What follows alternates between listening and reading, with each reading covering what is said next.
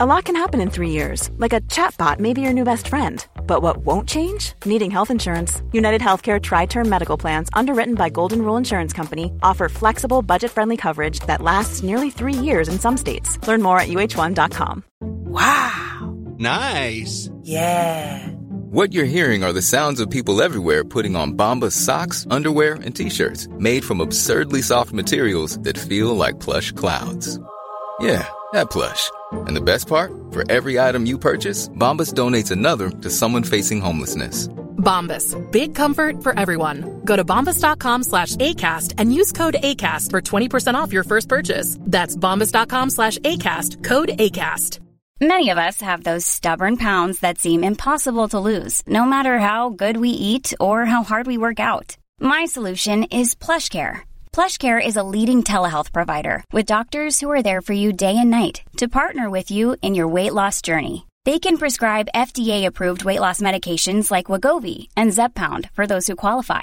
Plus, they accept most insurance plans. To get started, visit plushcare.com slash weight loss. That's plushcare.com slash weight loss. Er for pod, Øystein? Kjempeklar for pod. Eh, jeg er litt sånn småsur for at jeg har gjort en sånn eh, litt sånn ergerlig feil som jeg irriterer meg på i verkstedet. Uh, litt, eller to, faktisk. Jeg har gjort to sånne sånn, sånn småfeil som er sånn ah, Nei, nå slutta jeg for i kveld. nå går jeg hjem? ja, så går jeg hjem.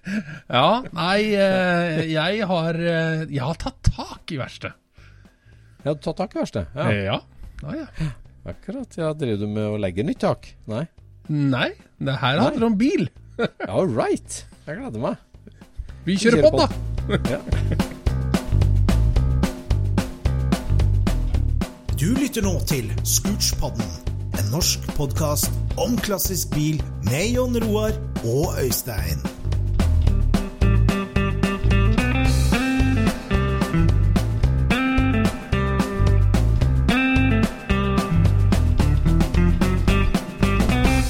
Kjære lytter, velkommen til en ny episode av Scootspodden. I dag så skal vi snakke litt om elbil. Vi skal snakke litt om italiensk bil. Vi skal være på skogsvrakleiting i USA. Og vi skal snakke om komplementærbil, hva nå det betyr. ja. Det her blir spennende. Ja, Er du klar for det, Jon Roar? Ja. Ja da. Tatt på senga. Men først, vi har jo Det skjer jo stadig ting i den norske bilverden. Og um, storsamleren Eirik Bøhle, som var med oss i forrige episode, der var det mange som uh, lytta med interesse. Eh, ja, det var, det var, veldig artig å se hvordan det um, ble mottatt av folk. Ja. Og det er Folk har Altså, basert på egne erfaringer da, eller egne fordommer, så kommer folk ut med forskjellige tolkninger av det som faktisk ble sagt. Og det er ja. litt interessant. Det syns jeg det. det. er stilig. Du får, får innblikk i liksom, mindsettet til folk, egentlig. Ja. Og så er det jo sånn at uh, vi elsker jo gjester som, som skyter fra levra og tør å si det de mener og mener det de sier. Uh, og ikke at liksom det så, skal skape en sånn polarisert debatt eller sånn, men det, det vekker jo alltid følelser når noen setter ting på spissen og er litt klar og tydelig.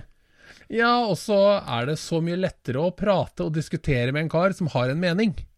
Ja, hvis du ikke har noen meninger, hvis alt er fint og flott, liksom, ja, så kan du ikke gjøre annet enn å holde med, være enig. Ikke sant? Det er, eh, men, men, når Nei. du kommer med et eller annet hårreisende som å si at det er bare italiensk bil som er kul, så, så, så får du jo litt motbør. Da har du litt, ja, det det. litt skyts. det skaper en veldig interessant debatt. Altså, det har jo vært en del eh, lytterinnspill eh, etter den episoden. Altså, vi, vi fikk jo passet vårt påskrevet. What ja. on earth er kult med skall nummer én million av en 911, liksom? Det, han var han jo klokkeklar på.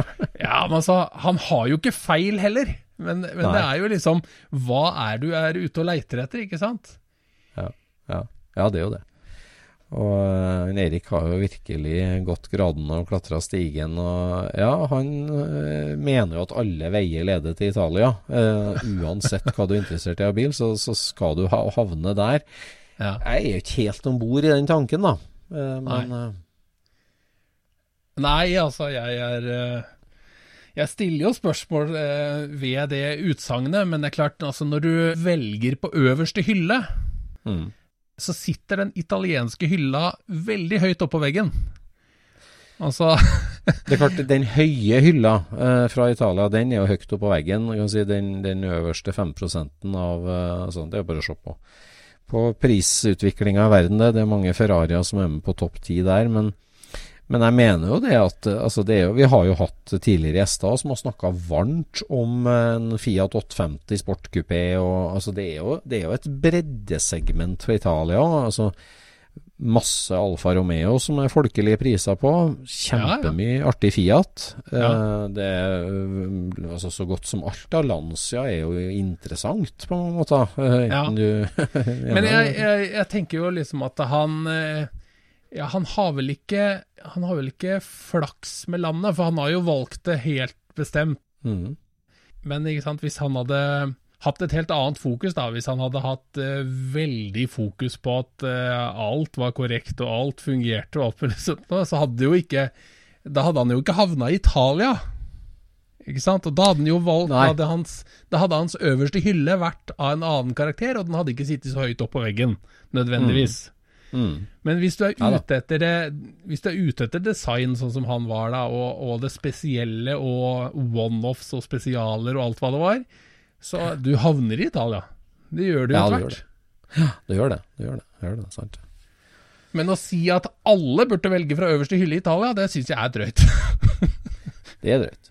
Men at, at, du også i en veldig uh, affordable uh, Fiat Coupé da, får uh, både motorlyd og, og, kjøreegenskaper og design, det gjør du jo. Ja, Så ja, ja. Du, du, trenger jo slett ikke å skulle liksom pantsette leiligheter for å glede deg fra Italia, det er jo virkelig noe vi må dementere. Ja, ja, ja. Nei, altså, det er jo heller ingen som har sagt det.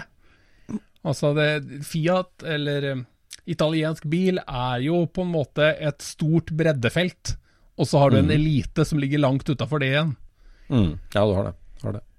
Så, nei, men det var, det var veldig moro å, å, snakke med alle i, i etterkant av den episoden. Fordi eh, det var jo så mange som lurte på eh, hvilken bil er det han mener at den eh, Fiat 500 er komplementær til? ja, da er du inne på det komplementær bilbegrepet. At eh, det er lett å forklare overfor seg sjøl hvorfor du trenger par, ofte. av biler. Ja, men, men, her var det jo ikke snakk om at det, et, at det skulle være et par. Det var jo bare Nei. det at uh, i bakgrunn på det perfekte bildet av min italienske bilinteresse, så står ja. den 500-en. ja. ikke sant? Det, jo, det, handler jo om å liksom uh, ta kontroll over bildet. Skape den virkeligheten du ser for deg sjøl, ikke sant? Ja, Akkurat som uh, Anders Lien. Han burde jo trekke uh, Alienbug, gasseren, den taksenka gasseren han bygde, som er grønn flake og helt versting med, med Anson uh, 12-spoke-felger foran og Altså, den skal jo trekkes av en, uh, en A100 Ford varebil. Ja. Ikke sant? Det er, jo, det er, jo, det den skal trekkes av, men det kan jo ikke Anders ha, siden han er en folkevognentusiast. Så har han ikke så lyst på den Forden, men Nei. den komplementære bilen er jo ikke en folkevognbuss. Nei. Nei, ja, ja, den komplementære bilen i en Ford, ja, men Ja. Ja, ja, ja. Nei, eh, det er sant. Det er sant. Eh, nei, nå er jeg litt usikker på eh, nøyaktig hvilken bil han Eirik egentlig skulle ha den Fiat, 500-stasjonsvognen var i bilen bak, da. Han sa jo ikke det. Han sa jo ikke nei, det. Og, ikke det. Og, og, jeg tror heller ikke at han prøvde å holde det hemmelig. Nei. Det var bare at han mente at den passa bak i mange bilder. det er sant. Det er sant. Ja, men det er jo liksom det metodikken også med, med å Jeg har snakka en del med Bøhle om det der, det, det med de derre eh, logikken du lager deg sjøl for, for, å justify, eller for å underbygge at du kan kjøpe deg enda en bil. Ja. Liksom, ha, har du en kupé, så er det jo fint å ha kabriolet nå. Ja. Eh, liksom, de to gråfargene her står så fint til hverandre. Ja, det her er den største fireseterkabrioleten Italia produsert på den tida, og det her er den største fireseterkabrioleten Tyskland produsert på den tida, så de hører jo sammen. Men, men nå syns jeg du er i ferd med å ødelegge magien. Vi skal jo ikke forklare de tinga der. Nei, okay. For nå høres det ganske dumt ut. okay, ok, ok. At den gråfarven passer til den gråfarven. Da begynner det, da begynner det å bli tynt, altså. ja, ja, ja. Jeg har fått så mye eh, grå hår i det siste, vet du, så jeg tenker på grått. vet du. Oi, ja, ja, ja, ja. Gratulerer med dagen som var. Ja, det var jo runddag her, vet du. Men uh, det føler meg jo like ung. Selv om jeg har blitt like gammel som det året det kom færrest folkevognbobler til Norge noensinne. Etter. Ja. Neste ja. år så er det Ishas-luker. ja, nettopp. Det er det faktisk. Nå er det bare en liten notch i kanten på ruta.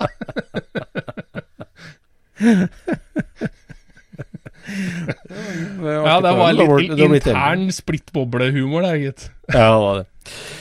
Du har blitt et år eldre siden sist, du òg? Jeg syns du ser ganske ja. lik ut. Ja. ja, nei, jeg er vel stort sett lik, jeg, da. Men nå, er jo, nå, er jeg jo inne i det store forgasseråret. Ja, det er det. det er det. Nå må det bores opp, skal det bli større. Mm? ja. ja. nå må det bores opp, skal det bli større. ja, det er sant. Ja. Ja da. Vi eh, jo, vi får jo en del lesebrev som, som, som, vi må snakke om elbil, og vi må snakke om elbilkonvertering og klassikere. Eh, det er det mange som spør om. Og ja. Det er jo et sånt tema som vi eh, egentlig ikke har snakket så mye om. Men én ting som, som, slo meg her nå, det er at altså, jeg har jo jobba med elbil, så jeg, jeg har jo fulgt med litt på det. Men så jeg ble sittende og se på Drive to Survive sammen med sønnen min. Formel 1-dokumentar, ja. Eh. Ja. Og der blir det jo sagt ganske tydelig at uh, liksom det, det, er ingen strategi for å elektrifisere Formel 1. Uh, eh, Formel E er, er, jo der, og det går jo fortere. Og kanskje kommer det et punkt der de går like fort, på en måte. Men det er ikke mm. noe sånn umiddelbar strategi på dem. De tar jo Eh, slett ikke approachen til rallycross-VM, f.eks., som skal elektrifiseres med et tastetrykk. Ja, ja. Um, og så ser jeg òg nå at, at, BMW snakker om nye investeringer i forbrenningsmotoren. Og så syns jeg ser signal fra Porsche òg på det, at liksom uh, fader eller uh, horisont, tidshorisonten vår er lengre, blir lengre. Og ja. jeg kjenner jo folk som har, har gått uh, fra bensinbil til elbil i mange år, og som vil ut av ladekøen og tilbake på forbrenningsmotorbil. Så ja. uh, sånn, eh, Er det et slags væromslag? Og det her handler ikke om debatten om, om hva som er best, eller sånn, eller, sånn men, men, er, det, er det litt en sånn kan, kan, vi snakke om en litt ny vår for forbrenningsmotoren, på en måte? Kan vi det? Jeg er ganske sikker på at det er at uh, vi er liksom inne i en Det er en kritisk fase for bilfabrikker, i hvert fall. Det er helt sikkert. Ja, det er det jo. Ja, ja. For de har, de har krav som uh, hviler på seg fra, fra myndigheter. Og de har, eh, de har um, mål som de skal nå. Hvis ikke så får de bøter, ikke sant? Mm. De bøtene brukes til å gi insentiver til andre og, og stille om til nullutslipp og, og sånt, da. Mm. Eh, sånn at de har en, et usynlig monster som er ute etter dem. Mm. Som vi vanlige folk ikke ser.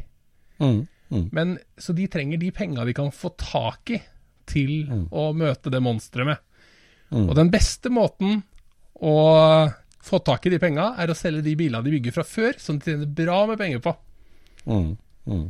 Så de, de kjører markedsføring eh, som virker helt eh, borti veggene, egentlig.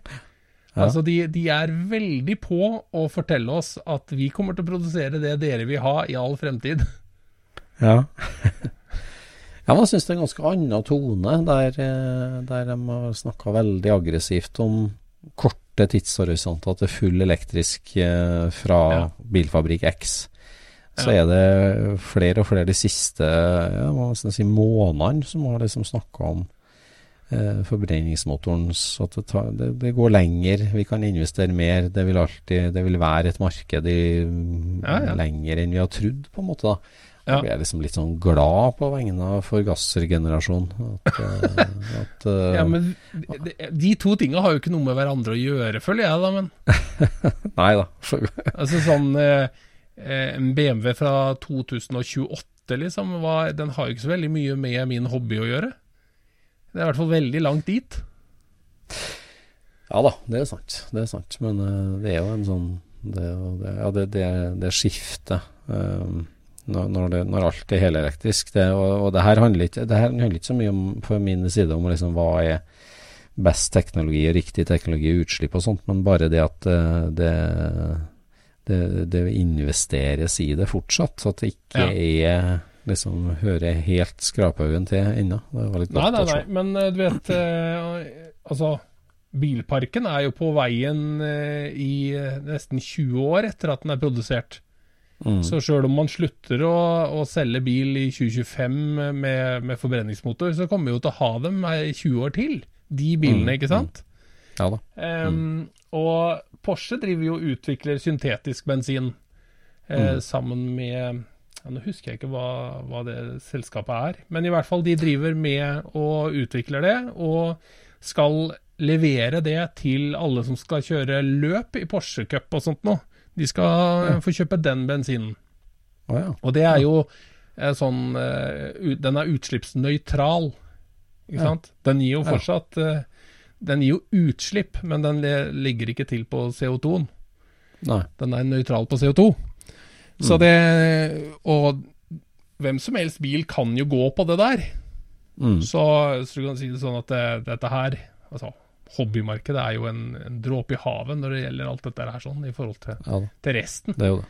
Mm. Og, og, de aller, aller fleste menneskene som har bil, er jo ikke bilentusiaster. De skal fra A til B. ja, det er akkurat det. Og gjennomsnittskjørelengden i Norge, den eh, Du får ingen elbil som går så kort. Nei. Nei, det er ikke Nei, når vi holdt på med Thinken, så mente vi at 7-8 mil var mer enn nok. Til 80 det er antageligvis, av, det er antageligvis nok, men, eh, men, ikke sant, alle kjøper jo, kjøper jo bil for en regnværsdag. Alle skal jo over Saltfjellet med campingvogn til, til, vinteren. ja, det skal det, vet du. Nei da, men, det er vanskelig. Det var, det var, i hvert fall påtagende der, syns jeg, i den serien, altså, som er en fantastisk artig serie, for, for å si det. Um, at uh, man tar en sånn helt annen approach uh, enn rallycross. da Som sier ja. at det, sånn, dette skal tvinges gjennom fortest mulig. Og så er det ja. mer sånn Det er lenge til de tar oss igjen, og vi kjører på. ja. Da er det ja. Og det er ikke et lite segment av motorsporten, på en måte. Det er jo elitedivisjon. Så derfor så er det et uh, ja, signal. Det er sant, det. Ganske, det er sant. Det er, det er, masse som skal skje på, på mange forskjellige fronter der framover. Som eh, mm.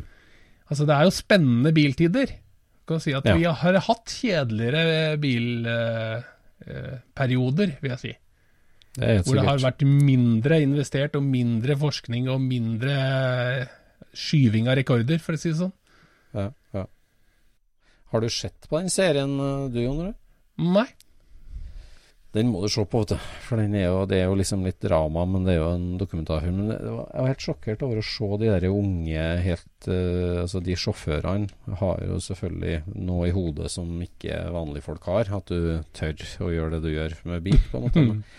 Men jeg syns de har De er liksom vi har snakka om det før, at uh, skillet på en uh, bilmann og en uh, idrettsutøver ja. Det finnes mange idrettsutøvere bak rattet på biler òg, ja. som ikke har noe greie på bil.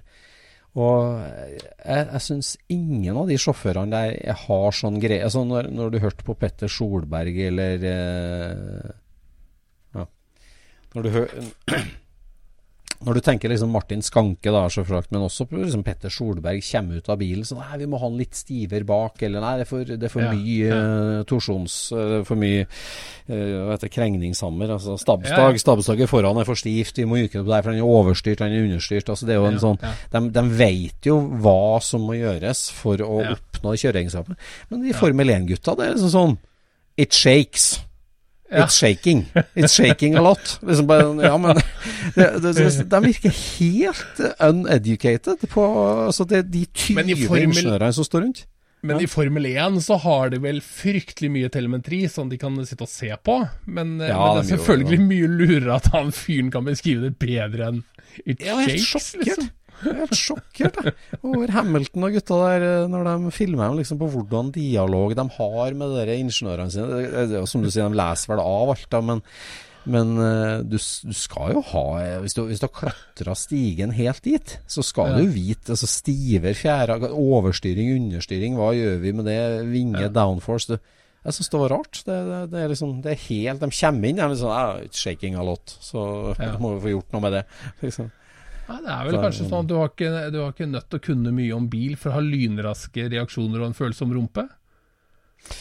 Ja, det er sant. De er ganske gærne, altså, må å se på kjøringa.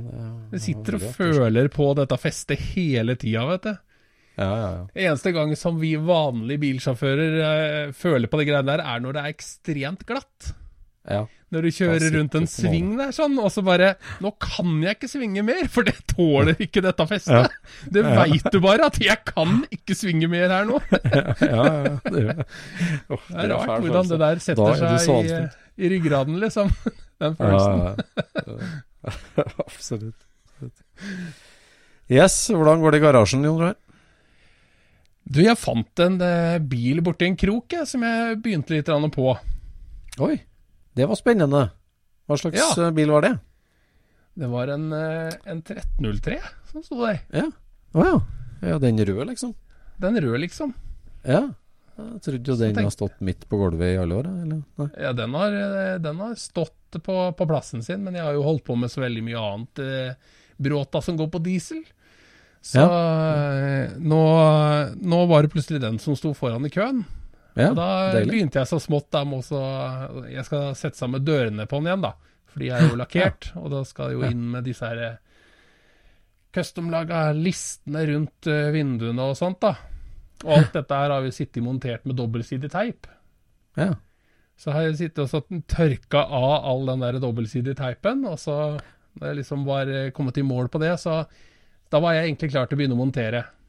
ja. Og så sitter jeg og tenker Den lakken som er på de listene, for dette her er jo eh, silkematt svart.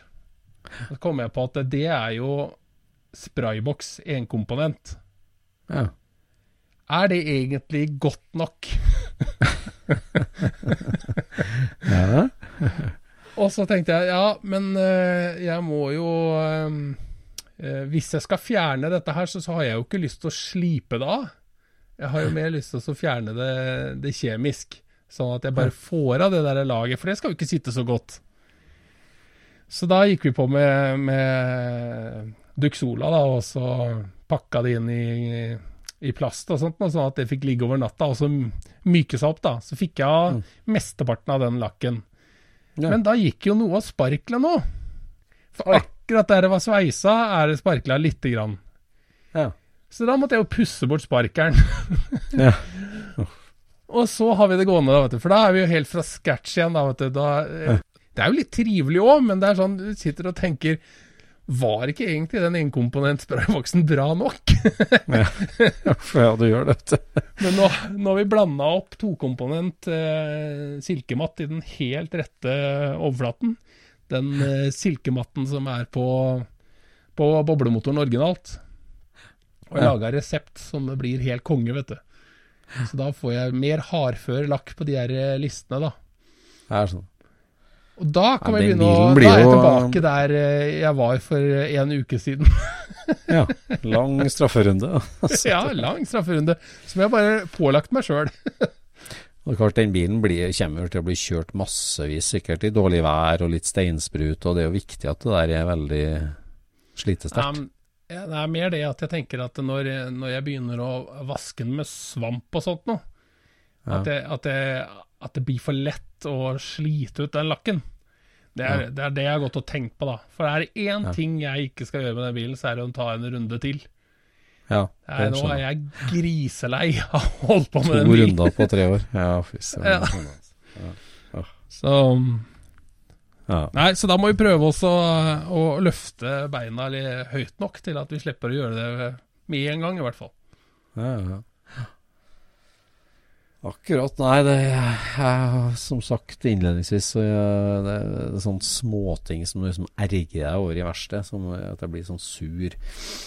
Jeg, holdt på, jeg har jo drevet rustsveisa en del på den 52 caben min. Og så mm. Folkevogna den har jo Krumlistene på sida er jo tre lister. Ei på døra, ei på framskjermen, ei på bakskjermen. Og, ja. Eller quarterpanelet bak, da. Og det er jo en mm. sånn ganske perfekt banan de tre listene utgjør. Ja. Og så på bakre quarterpanel så er det seks høl til klipsen som fester inn lista. Ja. Og den bilen her har vært bygd om litt og sveisa litt på, sånn at jeg hadde bare det fremste og det bakerste hølet. Hølene i midten ja. var borte, for der vi bytta plate. Ja. Eh, borte. Og så skulle jeg bore opp de hølene igjen. Jeg hadde jo hvert endehøl Eh, ja. Og så har jeg drevet Og det der mønsteret på de bolthølene er liksom litt annerledes på splittbobler enn på andre bobler. Så jeg ville jo ha det rett, selvfølgelig. Så jeg var på leite etter et sånt quarterpanel som jeg kunne bare lagt utapå. Og styrt ja. på de to hølene i hver ende, og så bare markert på. Ja. Og det har jeg liksom ikke fått tak i. Jeg har fått tak i litt, men jeg måtte jo liksom ha kappa det ganske rent for å kunne bare legge det på, da. For det er jo mye innerstruktur og sånn, så jeg har liksom ikke tenkt det. Altså, alle har liksom snakka med deg, Du trenger da ikke det. Du setter bare på ei list og tar teip bak og tegner med en tusj, og så markerer liksom akkurat hvor lista kommer hen, og så måler bare avstanden mellom hølene, så har du det, liksom. Ja. Og det har jeg liksom ikke. Ja, det er jo sånn, men listene er mjuk, og bilen er litt liksom skeiv og skakk, og det her skal være riktig og sånt. Og så jeg, men ja, det, det, går da over det, da, liksom. Så tok jeg fram da alt listverket jeg har. Ja. Og det som jeg har kanskje Jeg har mange lister, for det, er jo sånn som du samler. Så jeg gikk gjennom kanskje 100 lister, da, og så er det jo en sjettedel av dem som er til venstre bakre quarterpanel. Ja. Og begynner å lete opp hvilke er dem som er nærmest NOS, nærmest rett og helt perfekt og liksom sånn. Og så setter jeg på den, setter jeg på dørlista og begynner å sikte foran. Nei, den er jo for mye krum, nei, den er for rett. Og så tar du på den, så kan du flytte den flere millimeter, da, ikke sant, opp og ned, og den står her som en banan banan, ikke sant. Og den mm. gjør myk. Og så begynner jeg å sikte og få det perfekt, og så måler jeg, skyvler ned fra karosseripressinga på andre sida, på den sida, måler og måler, og justerer. Nei, det kan ikke bruke helt målet, for det må jo være helt på linja. Hell på, hell på, hell på, da. Og tenkte jeg åh, jeg skulle hatt et stålpanel bare lagt utapå og bora. Men og så gjør jeg til slutt, da, så har jeg teipa opp og markert og målt og markert og målt. Og ja, ok, da kjører jeg kjørneren i og borer og trappebor og får 10 mm høl som det skal være, eller 8 mm. Og rive av teipen og begynne å sikte sånn, og blir ikke helt fornøyd. Det er liksom noen millimeter for høyt og litt for rart, og jeg blir ikke fornøyd, liksom. Så det erger meg så gæli. At jeg, liksom, jeg holdt på og tenkte på det her så lenge og følte jeg gjorde en så grundig jobb for å gjøre det, og så blir det liksom ikke helt perfekt som jeg ville ha det. Nei. Sur. Ja, da ble du sur. Da ble sur. Ja. Da gikk jeg inn. Men hva skal du gjøre da? Så. Ja, Bortsett fra å gå nei. inn, da. ja, nei, det, det, er jo bra nok, helt sikkert. Men uh, det var ikke så bra som man ville ha det. Nei. Så det, det, er noen millimeter ja, for høyt, mener jeg vel. At noen, en par, par av hølene kom litt millimeter for høyt. Men det spørs hvordan du måler. Og, og, så er det jo ganske mye fleksibilitet i når du monterer listene. De sitter jo med klips, og det går an å flytte dem litt opp og ned. Både ja. klipset i hølet og klipset i lista. Så. Ja, ja, ja. Så. Nei, det er altså Å bore høl, det er egentlig ganske vanskelig. Ja, det, det er, det. veldig ja. Altså, det mm, Mye går gærent det første sekundet. ja, det gjør det. det gjør det. Da er det liksom Du har committa med én en eneste gang. Ja, det var det. Veldig vanskelig å komme seg ut av det igjen. Ja, det, Men uh, å begynne med små høl, og så file seg dit man skal, er jo kanskje da uh, en, en, mulig løsning, da, men uh, det føles jo veldig tungvint. Nei, i tynnplate så er det Der må du ha trappebor. Der kjører jeg liksom 2,5 mm først, styringshøl, og så er det trappebor. Mm. For det, det, blir så fine høl av. Det, det går ikke ja. med spiralbor der, egentlig. Men nok om det, da. Det foregår jo litt i verkstedet. Det har vært en del motorslakting, har jeg sett. Ja, det har jeg kommet til veis ende og skrapa. Så nå er det seks nyslakta motorblokker på gulvet. ja. som skal til noe rensing. Men det ble mange fine sylindere og alt sammen. Og så hadde jeg ei veldig fin blokk. Du vet, eh, folkevogna den opp til februar 51, så er det jo helalu i blokka. Ja. Så den er så blank og fin og mye sterkere enn de magnesium da, som kom senere. Ja. Eh, og av de seks 25 hesterne så var det ei helalublokk, en 1950-blokk, som var så fin stand, så trivelig. Ja. Tenkte jeg denne her, den skal jeg liksom eh, Den skal jeg ta og få rensa skikkelig, og sette den inn i olje og sette den på hylla, for den skal jeg bruke til en bil en gang. Ja. Og så var det tre eh, topplokksbolter som var liksom litt rusta, overflaterusta. Eh, de, alle sammen var liksom helt blank, for de har vært innsausa i olje, så de var liksom kjempefine. De lar jeg stå på, da. Men så var det tre ja. stykker som har stått liksom litt fuktig, på en måte, den nederste, som satt fast ekstra godt. Og så driver jeg ja. og varmer og lirker og kjørte to mutter og låste i, så skulle skru ut dem for å bytte ut dem. Og tenkte jeg, for når jeg skal sette den på hylla, så er det greit at det er liksom gjort og orden.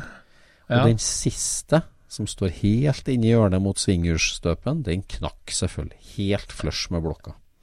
Ja. Uh, og de er jo triks, da. Og det, og det der å legge på mutter og MIG-sveise på, det har jeg egentlig aldri fått til. Får ikke noe ordentlig innbrenning i boltknektheten med MIG-en min, altså. Nei, det, det, det, har jeg fått til mange ganger, med helt utrolige ting, altså. Har du det? Eh, ja, det går. Kjører du mye varme, da, eller mye strøm, eller? Kjører så mye som det på en måte går, da, uten at uh, altså, Du må jo treffe med, med punktet.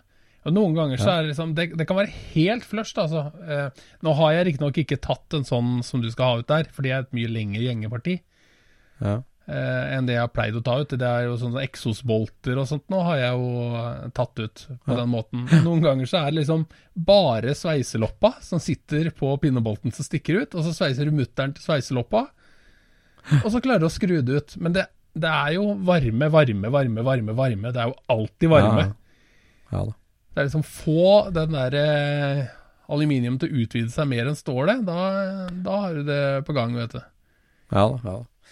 Nei, jeg drev og varma og avkjørte for å få litt sånn krympesjokk på det forskjellige. Og de, de to mm. andre gikk jo kjempefint, men den ene her, den snappa hoppa rett av. Altså det, jeg prøvde fem-seks muttere med migg i forskjellig strømstyrke og slipa rent og tok av overflata på mutterne.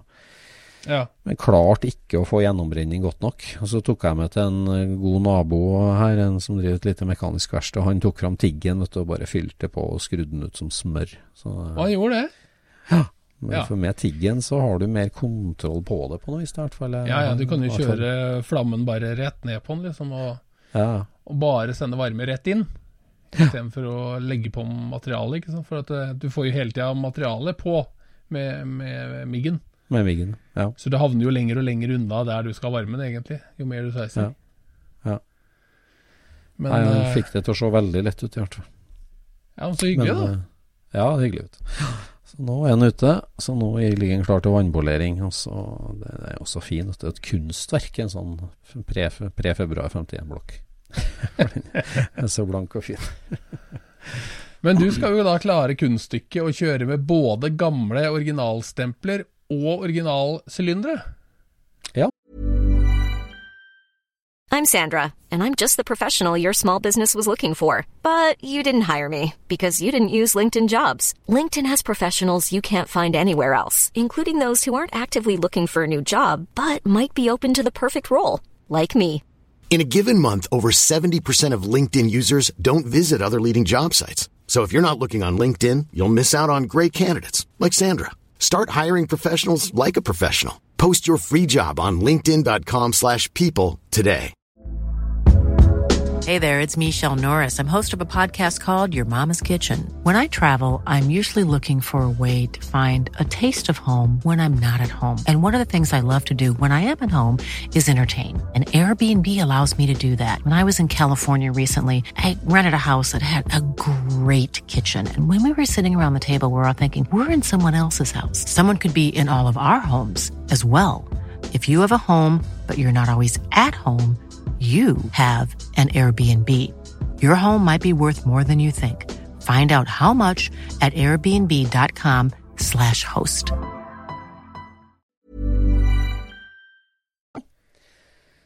Det har jeg fått til. Han, eh, Knut Sommerstad, motorprofessoren, han sier at den kommer nok til å bruke litt olje. For etter honing så var det litt rustangrep på noen av sylinderne. Men, eh, Ja. men de er bra. Og det ja, seks motorer gikk det da for å få til fire bra gammeltype førstestørrelse sylindere og Ja. tilsvarende stempel. Ja. 74,95 millimeter boring. Så, Men vi som eh, ser på han Stapleton 42, ja. vi veit jo at uh, det nyeste innenfor uh, stempelring og honing uh, i eh, NASCAR, det er jo stål stempelringer og olje i lommer i, i veggen på sylinderen. Det vil si at de kjører med veldig spisse steiner på sylinderveggen først. Sånn at du lager eh, som den norske fjellheimen, eller kanskje som den sveitsiske fjellheimen. Veldig høye spisser og veldig spisse daler. Så kjører du først. At du riper opp sylinderveggen, altså? kraftig, sånn at det er dype daler og høye topper. Altså det som var før eh, sylinder, er jo da bare topper, og så er det bare daler eh, innimellom, ikke sant? Og så etterpå så tar de av alle toppene, så at de Ja. sitter igjen med eh, bare de dypeste dalene. Ja. Og i de dalene så ligger olja. Og, og smører stempelringen. Det. Mister ikke komp, mister ikke komp Nei, altså det. dette her er jo på et mikronivå. Så, Ja. eh, så du kan si det at det før, altså i sånne støpejernsringer, så er det De har en overflate som tillater eh, olje, da. Som kan liksom, de kan være litt marinert i olje, sånn som jeg har forstått det. Og, og smøre sylinderen. Så da kan sylinderen være mye glattere. Ja. Men når du går over til stål ringer for å få de tynnere og mindre friksjon og alt det der, sånn, så må du ha olje et annet sted, og da ligger det i, sylinderveggen. Ja.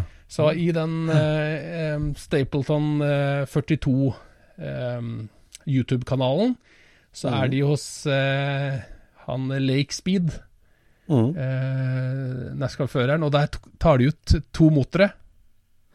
Begge har bremsa 670 hester eh, på 90-tallet.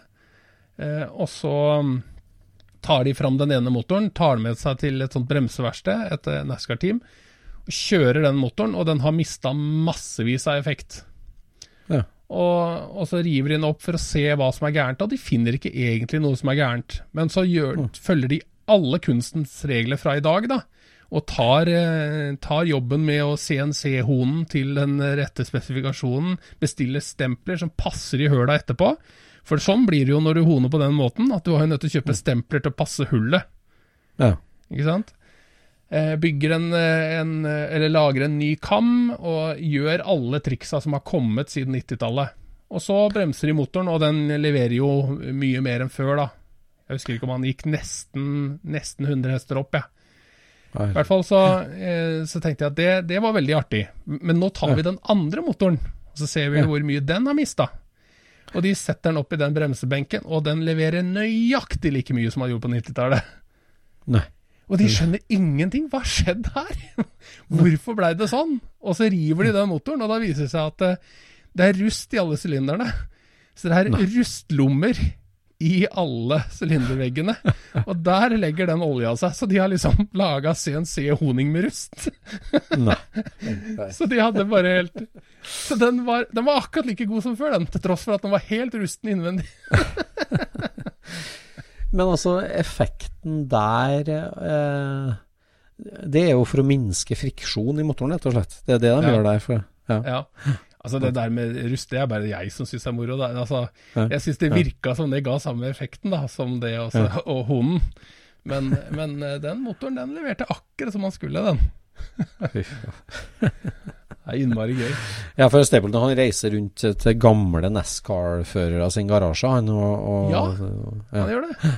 Ja. Han, fordi alle disse her gamle gutta som har holdt på med den NASCAR opp gjennom tida, har jo bygd et sånt svært bygg i, eh, i bakhagen, ikke sant? Mm. Hvor de liksom begynte i ett bygg, og så har de bare bygd på videre og videre og videre ettersom satsinga går og sponsorene kommer, og ikke sant? så bygger de på liksom Pensoil-avdelingen, og så bygger de på sånn, og så bygger de på sånn bortover. Ja. Og, og, han eh, Stapleton der, han, han, er en ung gutt. Han er jo sikkert bare noen og 30 år.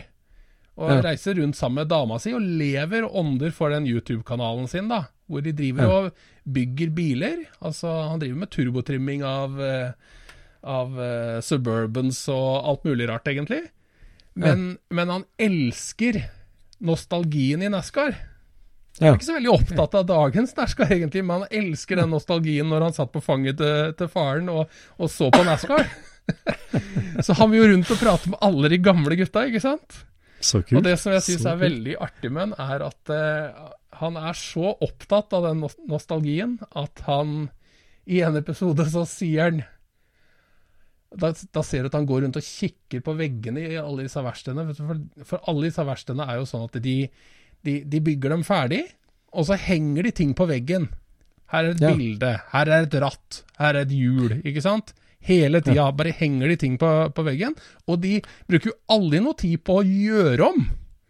Nei. Ikke sant? Så veggene blir jo museum ja. ikke sant? mens ja. de holder på.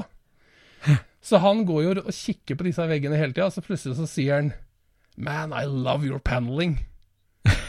For alle disse garasjene har jo sånn Korea-panel, vet du. Sånn som det var veldig mye av på tidlig 70-tall. Ja. Alle har det der Korea-panelet på veggen. For det var da de begynte, alle sammen. Ja, ja. så det syns han var så kult, da, det der Korea-panelet. Og da, da, må jeg smile litt, da, for jeg har jo stående eh, oppå låven, så har jeg jo tatt vare på Korea-panel til, til, en vegg i låven, jeg òg. Som var i huset her. ja, fordi at du har planlagt å ha det i garasjen? Ja, ja fordi jeg syns det der eh, Jeg husker jeg så Cars i den ja. scenen hvor de er inne på det bakrommet til han Doc Hudson og ser på alle pokalene hans. Ja. De er jo modellert etter de her guttas NASCAR-garasjer, ikke sant? Så der er det Koreapanel og og sånne litt gjennomsiktige gardiner og pokaler og bilder av race og alt mulig på veggene, og kalendere og rolledekser med til, til, telefonnummer og liksom alt det der greiene der. Så jeg tenkte jeg bare fy faen, det der er fet stemning. Ja. Det er en viktig del av bilhobbyen, altså. Er det det? Jøss. Yes. Jeg tømte jo hele stua mi for det i sin tid. Jeg kasta alt, jeg. Det skulle jo tatt vare på det. Nostalgi. Ja, det må du ta vare på, vet du. Får ikke tak i det lenger. Nei, jeg gjør ikke det. Nei, jeg bare synes det var når, han, når den kommentaren kom fra han, så tenkte jeg bare fy fader, du har sett akkurat de samme tinga. Artig. Men det er jo når du sitter og ser Cars, ikke sant. De, de maler jo opp et helt fantastisk bilde av USA. Eh, eh, som vi alle sammen drømmer om når vi reiser bort der, og, liksom håper at vi finner liksom eh, Radiator Springs, ikke sant, og, og alt denne her Ja, alt typiske. Alt det vi forventer oss å se. Ja, altså, Jeg leste jo om det der. altså Han som var bilkonsulenten for Cars, hvem var det? Ja. Det var jo en vi kjente litt til. det.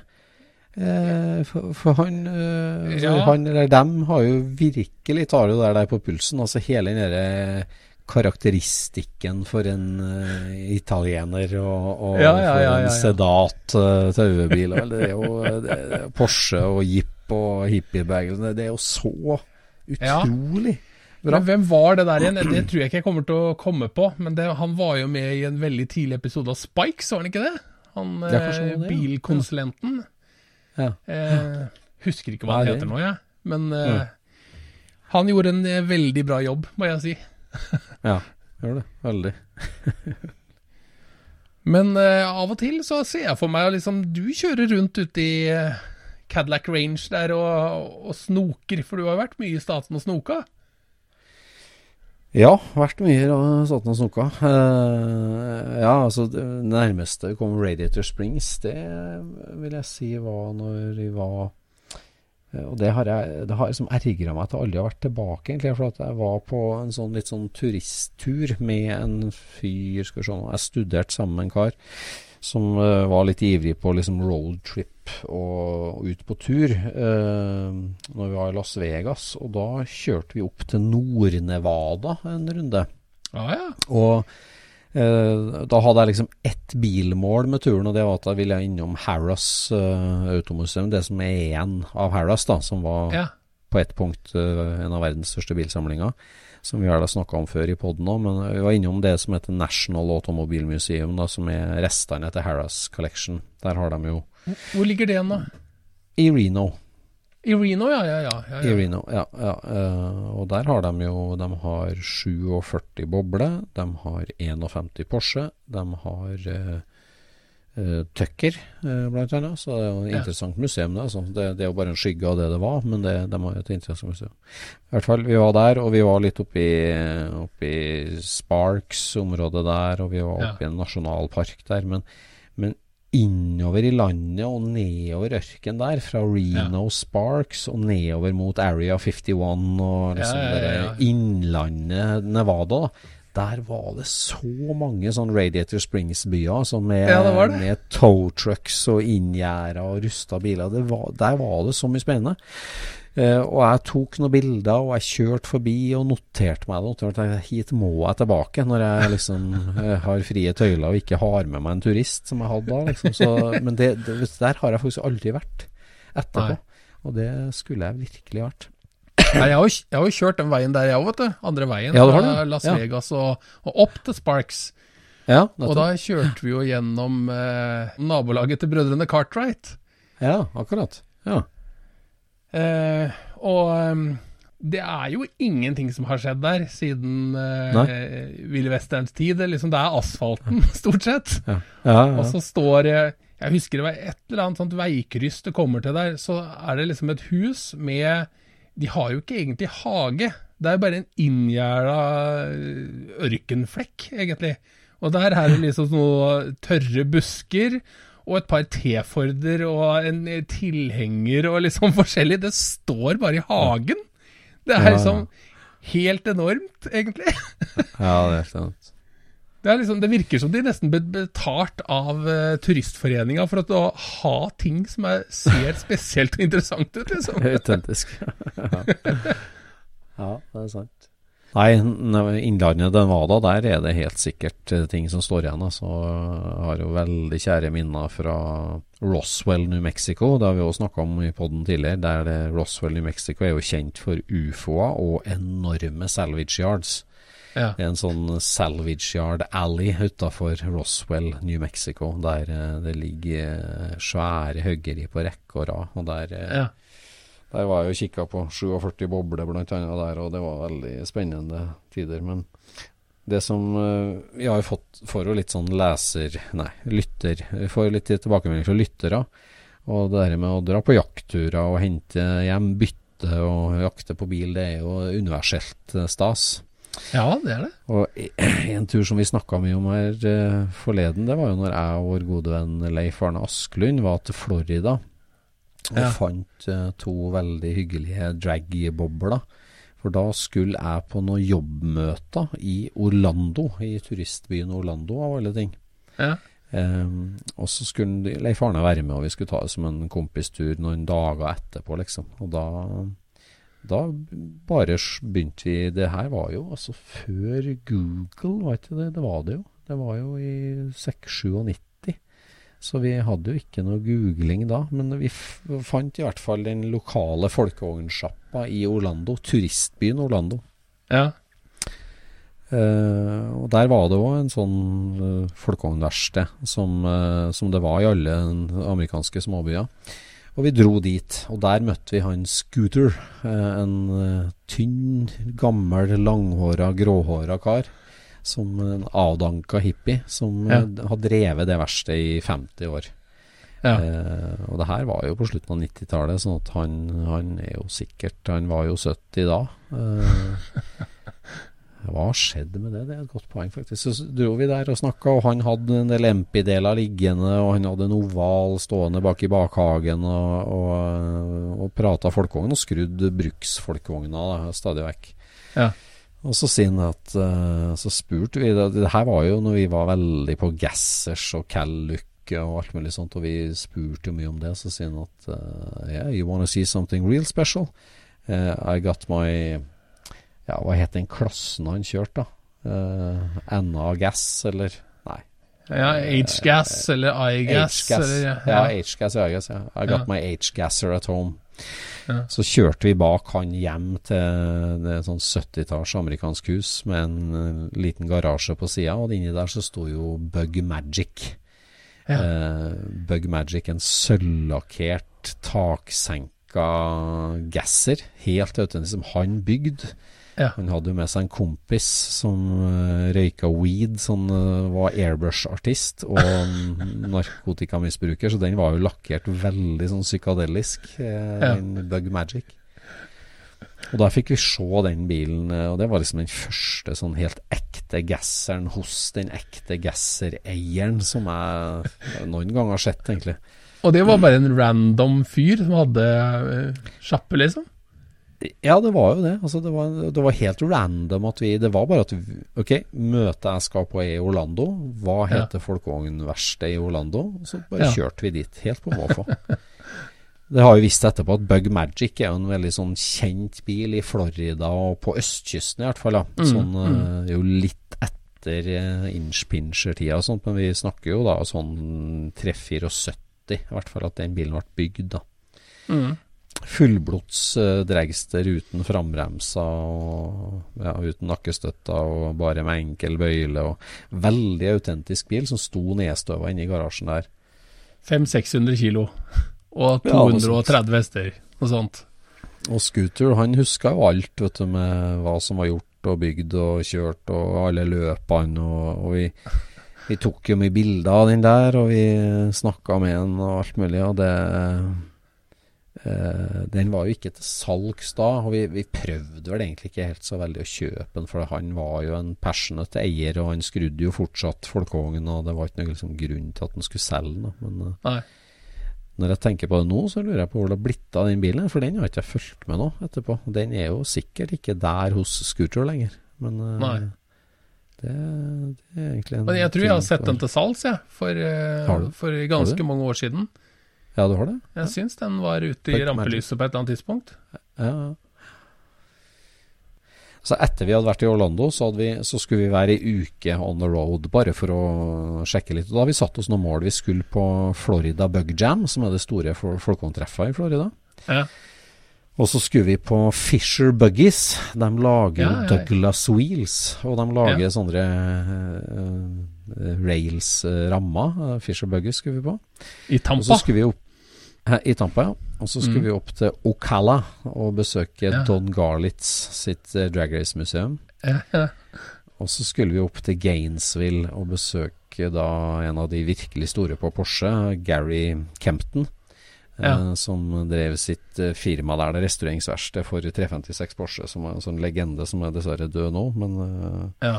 Så vi skulle innom alle de her, da. Og så sa vi det til han Scooter, at uh, vi skulle på en sånn liten rundreise. Så ah, when you get up to ok Ocala, uh, gotta go visit my friend uh, Nå husker jeg ikke navnet på han, men i Ocala, rett vegg i vegg med Don Garlitz Drag Race Museum. Uten at det var noe kobling eller forbindelse der, så var det et sånt folkevognverksted. En sånn typisk lokal folkevogngarasje. Ja.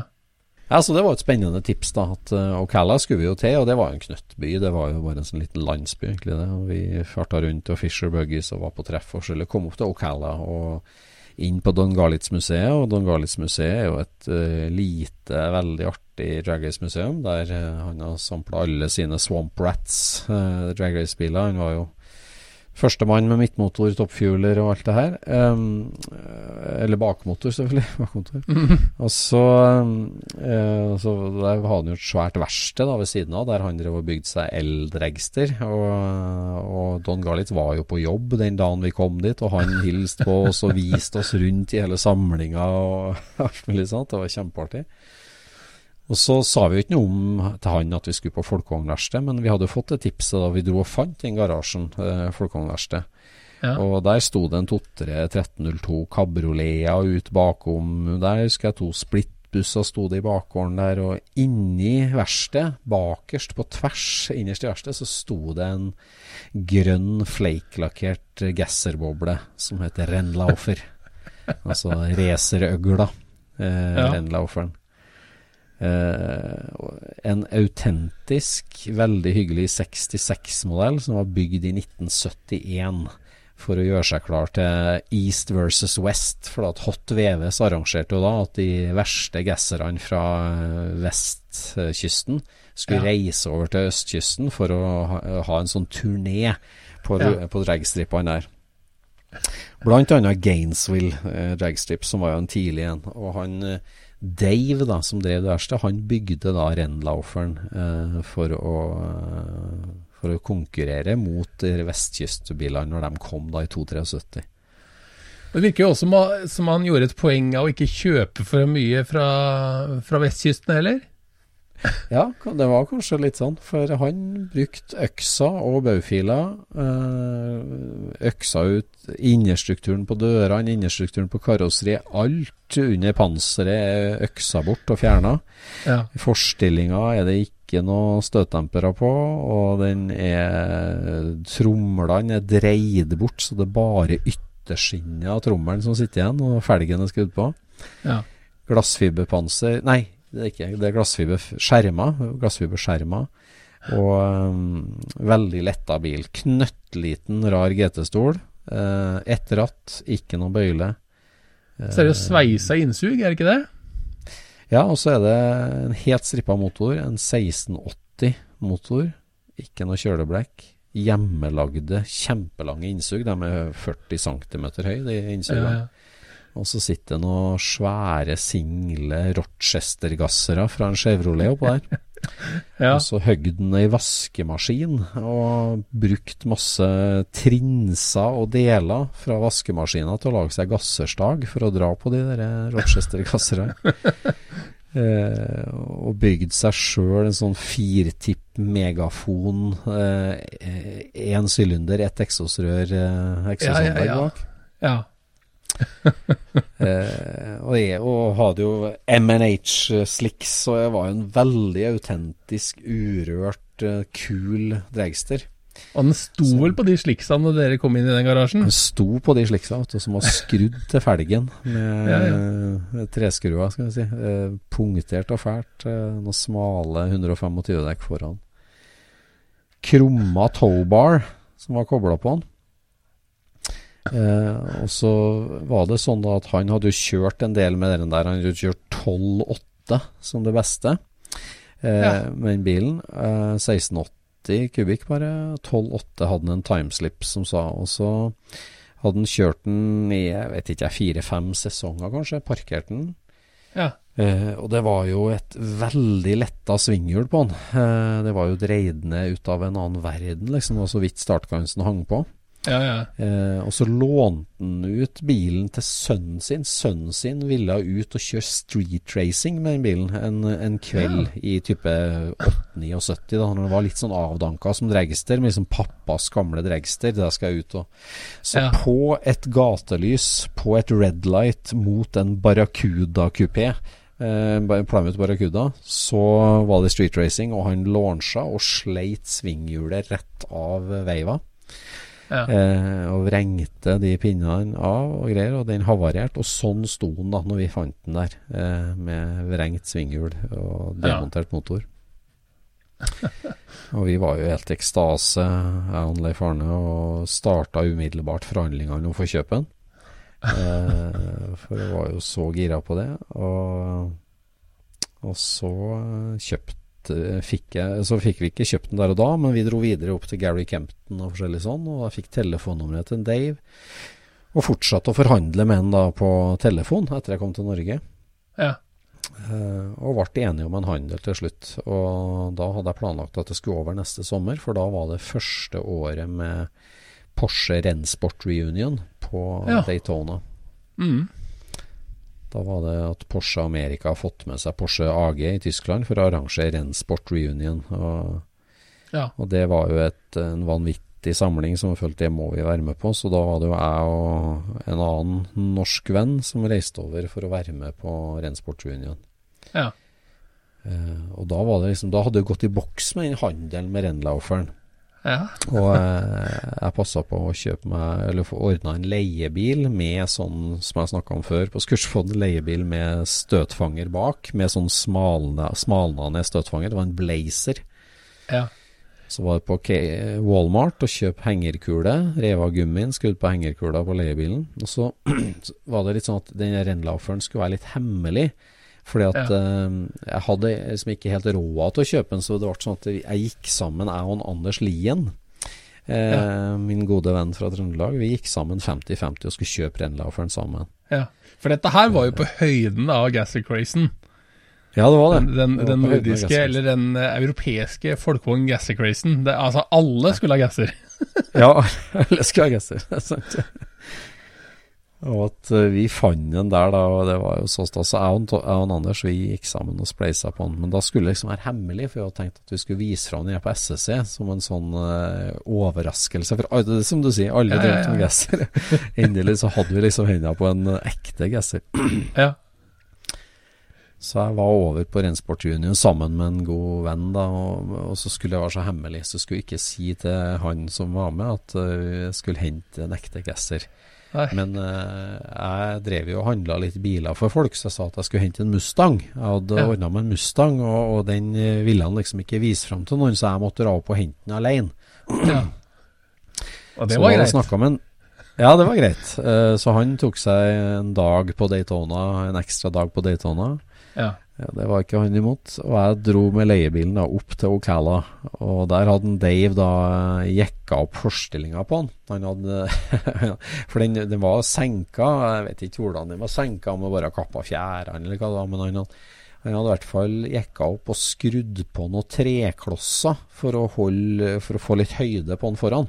Ja. For det, det skjønte jeg at jeg måtte ha da for å, for å ha den på towbar. For jeg skulle dra den på Ja. hjula, vet du, tenkte. Og du skulle dra på hjula på slipsa? Ja. Nei. Nei. Så Nei. hadde, han hadde funnet fire greie hjul da, som han hadde skrudd Ja. på. Så inni bilen da, så var det liksom masse greier. Det var liksom masse Altså hele eksosanlegget, motoren i deler, alle fire originale hjulene. En del ekstra deler han sendte med, kassevis med utslitte kløtsjer og mer Rochester-gassere. Altså, bilen var stabla til taket når jeg kom på det, og den krumma, custom-lagde hjemmelagde eh, towbaren da, som han brukte når han dro den rundt på drag race, den var hekta på foran på brakettene. Så jeg rigga leiebilen inntil og ga han Dave pengene vi ble enige om. Teipa fast varseltrekant på bakruta på han. Eh, og hekta på, eh, bilen på. Og den hadde jo ikke trilla siden barrakudene i 78, da. Nei. Og satt kursen mot Jacksonville, der jeg hadde ordna frakt eh, fra. Så jeg taua han ut, og det gikk eh, bare fint. Det er masse tommel opp på motorveien i USA. Kom ut til Jacksonville og hekta han av, klipsa av tåbaren, la den inni. Og leverte eh, liksom papir og signert papir, og dro ned til Daytona igjen og sa at nå har jeg fått levert Mustangen på shipping, så det går fint. så, så, Ja. Så- Merkelig at du, de, de to historiene som du har fortalt nå, altså jeg har vært begge stedene. Det syns jeg er litt det? spesielt, og det er ganske random òg. Ja, For jeg har også vært på um, hos uh, Don Fisher ja, i, i ja, på, Tampa. Ja, på Fisher Buggies der. Du har det? Ja, ja, ja. Da svingte jeg jo innom for at eh, han er jo liksom en litt spesiell fyr, han. For han har jo drevet og satt rekorder i, Ja. i dragracing og, og hastighet alt mulig. Men, men siden det er på østkysten, så er det liksom ikke Alle folkevognbladene ligger jo på vestkysten. Ja, det virker liksom ikke helt som de anerkjenner østkysten, på en måte. Nei, Nei Så de de tar De er veldig sparsommelig med liksom eh, En rekord som er tatt på østkysten, den tror de ikke helt på av en eller annen grunn. Nei, nei, ikke det. Kunne like gjerne vært i Europa, så usannsynlig er det. Nesten like gærent. Ja, Men ja, eh, han, han, uh, han Fischer sjøl, han var jo ikke på jobb den dagen som jeg var der. Men det var jo en kar, uh, hun der som sto i butikken, sa at jeg gå inn og snakke med han der på lageret. Eller han på, inn på verkstedet. Så gikk jeg inn der, og der sto det jo en kar og ja, Hva var det han lagde? Jeg lurer på om han lagde noe sånn rødramme-buggy-ting eller noe sånt. Noe. Jeg holdt på med et eller annet sånt. Sveisa på noe. Det var bare det de gjorde, dem. Hæ? Det var jo det de gjorde, de Fisher Ja, de det er veldig rødramme. masse trimdeler og, og sånne race-ting der òg, altså. Ja, Men, men eh, så prøvde jeg å snakke med ham om de tinga der, men han hadde bare lyst til å snakke om fisking. det var det kjedeligste han visste, i hvert fall, greiene der. It's just a job. ja, så det var Sånn sett så var det jo akkurat som å være der aleine, omtrent. det er snodig, altså. Det er et merkelig land, det der. Merkelig. Ut på tur, aldri sur. Ja. Det går mot lysere tider, og det er masse turer under planlegging. Men når det blir finvær, så er det både SSC Super Scenic og eh, akkurat det å planlagt tysklandstur igjen her for å hente motoren nedi her. Så det blir mye å glede seg til når det blir bare asfalt. Ja. Og det kommer noe eh, ny informasjon om, eh, om Supersiniken nå, med, med overnattinger og sånt nå. Og vi har jo booka eh, rom på, på flere av hotellene og Holta, sånn at folk må gå inn der sånn og, og hekte seg på. Ja. Ja, innen denne bookinga går ut, da. Ja, det er viktig. Det er bare å henge seg på det. Hvordan går det med Patron-lista? Har vi fått noen flere der, eller? Ja, det har vi. Der har vi fått eh, med oss Daniel Libak, Ja, akkurat. som har hengt seg på. Velkommen. Det er veldig hyggelig. Det er mye å glede seg over, for eh, hvis du vil være med på eller høre på Scootspodden live, så planlegger vi et liveshow i Lærdal lørdag 13. mai under eh, Fjordluftfestivalen. Eh, et Porsche-treff for luftakjørte Porscher. Lørdag Ja. 13. mai. Da skal vi være på scenen faktisk og sende Scootspoden live. Åssen skal det gå, Øystein? Åssen skal det gå? Det er litt skummelt. Litt skummelt. Skjedde det så mye egentlig der på den Porsche-fabrikken etter 52? Jo, det gjorde jo det. Ja, stemmer. Ja, Ja, det blir kjempeartig. Det blir det, så det er bare å melde seg på der. Hvis du har luftakjørt Porsche, så kan du bli med på Fjordluft. da blir det kryssforhør fra scenen. Ja, det blir det. Bet skråbetraktninger. Ja. Som det alltid blir. Som det alltid blir. Vi gleder oss, og vi gleder oss over at du lyttet til Scootspodden. Og nå sier vi takk for i dag. Takk for i dag. Ha det bra. Scootspodden produseres av SSC Media, med god hjelp av VV Norge og Trond Dahl for hosting, Knut Micaelsen for musikk. Abonner på Scootspod via podcaster eller Acast, og følg Scootspod på Instagram og se det vi snakker om. Der kan du også komme med kommentarer og innspill, og fortelle oss hva du vil høre om.